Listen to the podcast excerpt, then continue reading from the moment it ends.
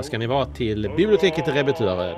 Eh, och idag så beger vi oss österut till eh, snöiga vidder och Ryssland och Fjodor Dostojevskij och hans bok Idioten. Eller hur, kära kollega? Och bistra tider, ja det gör vi sannerligen. Nu är det Potemkin och hela balletten, den tiden. Ja.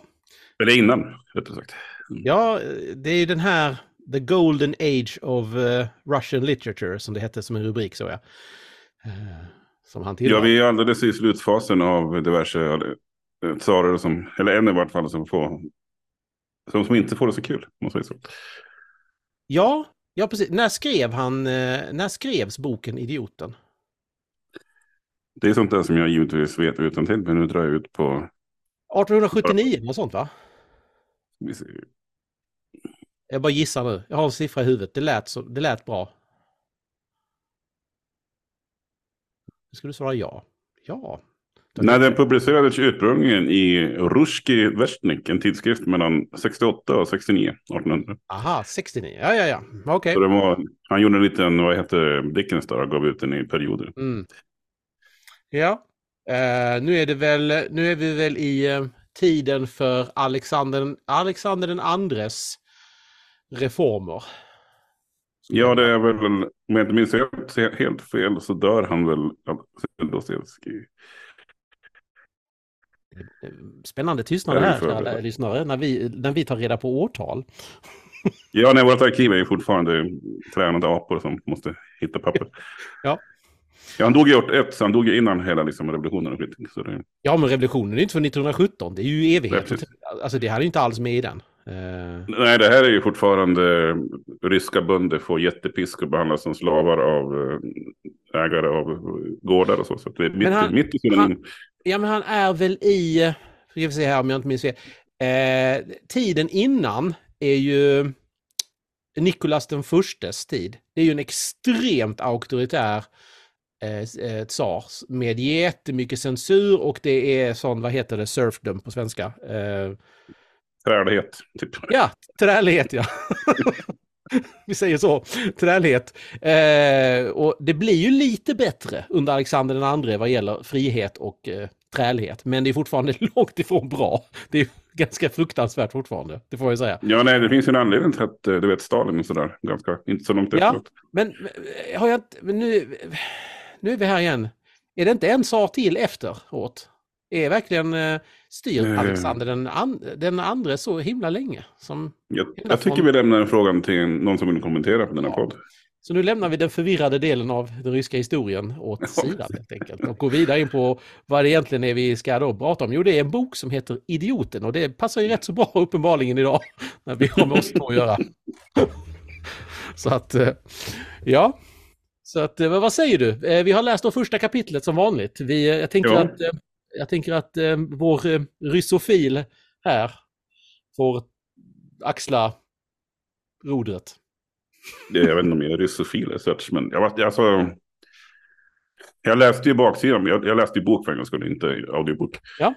Den kom i fyra delar faktiskt. Två böcker. Uh, som jag ska läsa klart kan jag avslöja redan nu. Men alltså jag läste ju baksidan och tänkte det här verkar intressant. Mm. Visst. Att, att det handlar om en människa som nästlar sig in i societeten och uppför sig som en eller framstår som en idiot fast han är själv verkar något annat antagligen.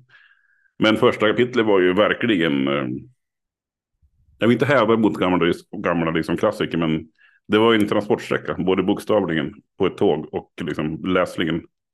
Mm, mm. Så att jag vet inte om jag... Hade jag läst den utan att veta vad det var hade jag nog inte läst vidare. Tror jag. Det var lite sådär, folk sitter och pratar i en tågvagn. Det är väldigt ryst, det är bistert. De behandlar varandra, varandra burdust och så liksom, sen är det klart. Det är en enda lång...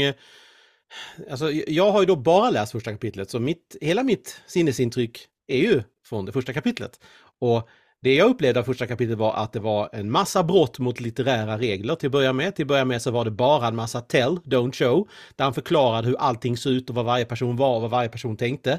Som en, som en narrator, alltså berättare, och det gör man inte bara, det är dåligt. Och sen var det en massa, massa dialog Fram och tillbaka, dialog, fram och tillbaka, alltihopa. Eh, det var kan jag säga, det var en uppförsbacke för mig detta, att ta mig igenom. jag behövde ett par försök innan jag blev, eh, kom igenom det. Det här var, jag, jag uppskattar att språket var ändå ganska kärvt för att vara så pass länge sedan, att det var inte så, det var inte så mycket fluff i det, så som det kanske var till exempel i i damen uh, Wuthering Heights till exempel, där var det väldigt mycket fluff. Uh, pippinuttigt på något vis. Här var det ju inte det. Här var det ju väldigt mycket mer rakt upp och ner, liksom ryskt kärvt som du sa. Men uh, jag kan ju då avslöja att jag kommer inte läsa vidare. Jag blev alldeles fullständigt avskräckt av det här. Det här, var, det här var fruktansvärt tyckte jag. Okej, okay. nej men alltså jag, kan, jag tycker inte det gjorde något att han beskrev saker. Jag tyckte det passade att han gick in på, man såg vem som var fattig och att det var bister och vinter. Liksom. Det, det, det gav en bild som jag uppskattade. Mm, det är en väl, alltså, jag, alltså jag ska inte vara så kär och tjurig på det. Det är, det är klart att det är smidigt att göra så istället för att ägna en massa komplicerade grejer för att läsaren själv ska upptäcka det så kan man ju bara ta den genvägen med att ha en liten berättande sak i början som förklarar hela upplägget. Absolut, det ja, funkar. Alltså. Det spar ju tid för, alltså det spar ju tid för framtiden. Jag vet ju inte så mycket om hur det var att åka tåg på Ryssland på den tiden. Så att, men till och med jag fattar att de här människorna, de är lite, de är lite trasiga i, i kroppen. Ja. Och kläderna i synnerhet. Ja. Ergo är de liksom, jag vill inte säga underklass, för en var, de är faktiskt mycket adelsmän där, men Ja. De ser kanske inte så gentila ut.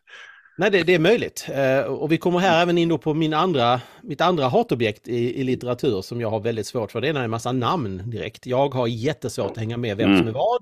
Och det är bara en massa eh, ryska namn som för mig är ungefär snäppet enklare att hålla reda på. Nej, de är faktiskt svårare, jag ska inte ljuga. Det är svårare att hålla reda på än alvnamnen i Silmarillion. Eh, där också droppas ju tusen namn de första sidorna. Man bara jag har ingen aning vad som är vad. Liksom. Här är det samma sak för mig. Det, jag, jag hängde inte med helt enkelt. Och då, då läste jag ändå igenom det två gånger faktiskt. Det, lyssnade en gång och läste en gång. Så att, eh. Men rysk litteratur är ju lite känd för att ha just många namn och jag vet att, ja. Eh, ja, jag vet inte om det stämmer, det, det får jag väl se när jag läser klart boken, eller ja, ja tre böckerna, men boken, alla, bägge, ja. fyra delar. Ja. Om det blir liksom smeknamn på Mikael, typ fem varianter, då kommer jag komma lite vilse också. Ja. Ja, mitt stora problem eh, också med det här då, förutom stilen, det är att jag är så... Jag, jag, jag, har, jag är totalt ointresserad av vad som hände. Eh, jag vet inte varför jag skulle bry mig och engagera mig om den här personen. Jag fick, det var ingen hook för mig överhuvudtaget i texten. Eh, när man skriver ett första kapitel på det här sättet direkt, bara ja, gör allt jag tycker illa om i text. Då har man gjort mig till en fiende i, i läsare och då är det väldigt svårt att vinna över mig igen. Eh, så att eh, du sa det själv, första kapitlet kanske inte är representativt. Nej, det är möjligt, men det är för sent. Alltså jag, eh, jag har redan, jag har redan bränt min bro, jag har redan lämnat bygget, jag har redan gått hem igen så att säga. Det här var, det här var jobbigt. Nej, jag fattar det. Alltså jag, som jag sa, jag har ju läst uh, lite vad den handlar om vidare och tänker att det här mm. kan bli intressant. Men jag säger som nej, hade jag tagit upp den liksom, här får du en bok Anders, som du inte vet något om. Nej, jag bryr mig faktiskt inte om Purgotsen eller vad fan han hette och hans problem med flickvänner och öronhängen mm. och vad fan det var. Så att, ja. ja, nej, det här var som att slå igång en såpopera på tv, eh, vad de nu heter, eh, Paradise Island eh, någonting och det är bara massa mm. jidder och det är bara massa pladder. Jag vet inte varför jag ska bry mig. Det finns, nej, det, jag, jag, har, jag kan liksom inte... Det enda sköna detaljen är ju att som du säger, det är Ryssland, det är 1800-tal, det är en exotisk värld. Det är det enda, men jag tycker inte det fångar mig ens där på den punkten. Och det tycker jag är lite märkligt därför att det skulle han vara lite berömd för ju. Eh, han är ju han är ju anti-västerländsk, så mycket har jag läst om honom, ganska mycket. Att han inte alls gillar vä västvärlden och han gärna framhäver det ryska, så att säga, eh, som en kontrast. Och i det Vilket så misslyckas han, tycker jag. Jag tycker inte jag känner att jag eh, tas med på en exotisk resa i någonting alls. Liksom. Det, för mig kunde det här lika gärna varit i Österrike eller vad som helst. Jag vet inte alls. Jag... Nej, ja. det håller jag med om. Det, det, var ju liksom ett, ånglok någonstans i världen. Liksom. Ja. Men det, det, är lustigt att han tycker illa om det västerländska, för han blev ju ganska brutalt behandlad av uh, Ryssland. Ja. En skenavrättning av flera år i Sibirien där han hade både hemorrojder och allsköns elände. Ja. Att, uh... Men det är väl det att han rent ideologiskt och rent så värdemässigt så är, står han ju Ryssland nära. Han är ju troende, Dostojevskij, då pratar vi om. Han är ju troende och eh, han är ju... Han tycker västvärlden snarast är skulden till, eh, mycket av det som är dåligt i Ryssland, har jag förstått det som. Eh, jag förstår det som att han anklagar i princip västvärlden för socialismens framväxt som han inte är någon jätteförkämpe för, eh, så som den ser ut när den är sekulär i alla fall. Han verkar vilja ha någon annan typ av socialism än den eh, mer, vad ska jag säga, marxistiska. Eh. Ja, han var ju arbetarvänlig, underklasshjärtat fanns där, men, eh, skulle, det, men det var en intressant aspekt att se av Ryssland. Det var väldigt kapitalistiskt, så här för, alldeles före revolutionen. Ja, ja, det märker man ju redan i texten, och när man läser, speciellt när man läser om uh, Fjodor, Fjodors ja. liv. Så det är liksom, ja. det är verkligen det, här är en ultra, det här är en ultrakapitalistisk värld, eh, 1800-talets Ryssland, det var även 1800-talets Sverige också delvis. En ultrakapitalistisk värld med i princip inget skyddsnät överhuvudtaget om det inte var på frivillig basis eller kyrkan. Eh, det var de två näten, alltså sådana brydda borgare som brydde sig, BBB, eh, och kyrkan. det, var det, det var de enda som fanns, liksom som, eh, det fanns liksom ingen stat alls. Och Ryssland var ju då ännu värre än, än Sverige, för där hade de ju verkligen träl, träldom fortfarande i princip, nästan in på 1900-talet. Så att, Ja, ja han, våran huvudperson som senare blir idioten, han åker hem på vinst och förlust. Inte under att han träffar den här, eh, vad han heter, andre adelsmannen som tar hand om honom. Annars hade han gått till, gått till land i Sankt Petersburg och bara försökt tigga sig fram hos en general. Han är verkligen så här, socialen finns inte för mig. Ja, ja, ja. Kan man, kan man spoila redan nu? Jag vet ju inte. Kan man spoila redan nu varför han heter idioten? För det får jag inte riktigt... Alltså så. Förstår du varför han gör det? Kallas det? Eller är Nej, det? inte än. Jag har bara läst baksidan så jag, jag, jag återkommer om, tanken när jag ja. läst alla ryska namn. Ja. Men så vitt jag nej. förstår i varje fall så är det för att han uppför sig lite så här eljest medvetet. Men jag, mm. jag återkommer. Ja, Ja, ja okej. Okay. för det var det väl en av de grejerna som ändå jag kände lite grann att jag blev lite nyfiken på. Varför heter den Idioten? Det är ju en ganska cool titel på en bok tycker jag. Det är en, eh... Jo, men han lyckas tydligen nästla sig in och vara lite så här naiv och konstig. Fast han gör det med flit så att han kan bli ja. underskattad, ja. tror jag. Men vi får, vi får se. Om någon, som sagt, återigen, kommentera kära lyssnare om jag är helt ute i, i, i ryska tajgan. Mm. ja, ja, ja, det om det nu finns sanningar, kära kollega, gör det det? Finns det sanningar? Det gör det. Ja, det gör det. Så att, och inte bara ja, vi får väl anta att det som står i boken är, är typ ja. Ja. det, är det som står i boken. Men visst är det häftigt? Visst är det häftigt att Ryssland 1800-tal är sånt kulturellt epicentrum? Alltså jämfört med vad som senare sker.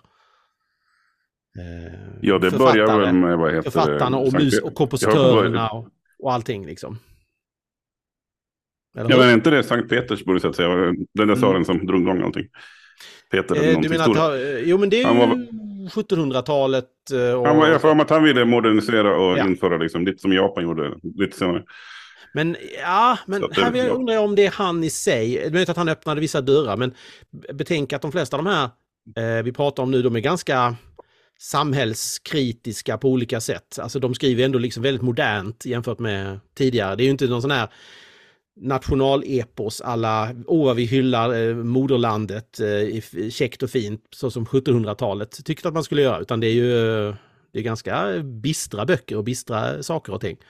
Jo, men jag misstänker att det blev lite eh, motstånd efter att Peter dog, för att eh, vi märker ju både i texten, antyds i vart fall, och i synnerhet om man läser på om Fjodor, att tsaren ett all de, de tolererar det inom ganska snäva ramar. Du kan bli hängd för kritik och sådär. Ja. Så att det är liksom okay. mellan, jag tror det är en mellanperiod, om jag skulle killgissa lite. Mm -hmm. Mellan liksom mm. revolutionen och uh, en mer liberal kulturpolitik. Ja, ja, ja. Mm. Mm. Ja, nej, för det, då är ändå Ryssland ganska... Alltså det är ett stort land och så längre fram sen så producerar de inte så mycket. Uh, det blir lite mer kulturellt, kulturellt uh, urvattnat. Ja, alltså Efter revolutionen. Sovjetunionens socialism var inte direkt ett under för produktivitet. Nej.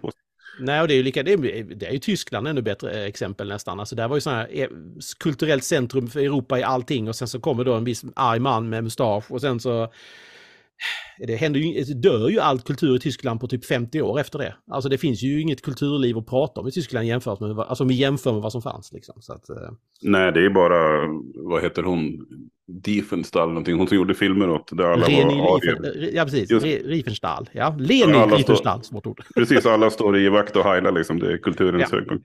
Ja, nej, nej precis. Eh, nej, nej, och sen kommer det då riktigt såna bistra, svartvita, kärva saker på, på 60-70-talet från Västberlin och sånt där. Men det är inte, det är, nej, det är inte, det är inte förrän i modern tid och efter murens fall som Tyskland liksom kan lämna Alltså, men, men Tyskland är ju supermärkligt. Jag vet inte varför vi hamnar i Tyskland nu, men Tyskland är ju verkligen supermärkligt land. Hela 1900-talet från andra världskriget fram till jag menar, nästan Idag nutid. skulle jag vilja säga. Berlin är ju fortfarande känt för att vara något udda kulturstad med syntare och annat läst folk.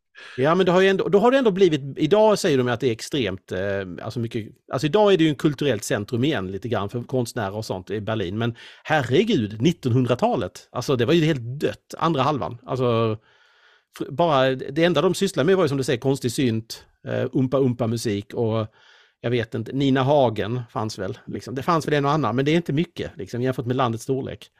Nej, men då har vi fått Rammstein och andra band, så jag klagar inte. Ja, absolut, det har tagit sig. Det har tagit sig.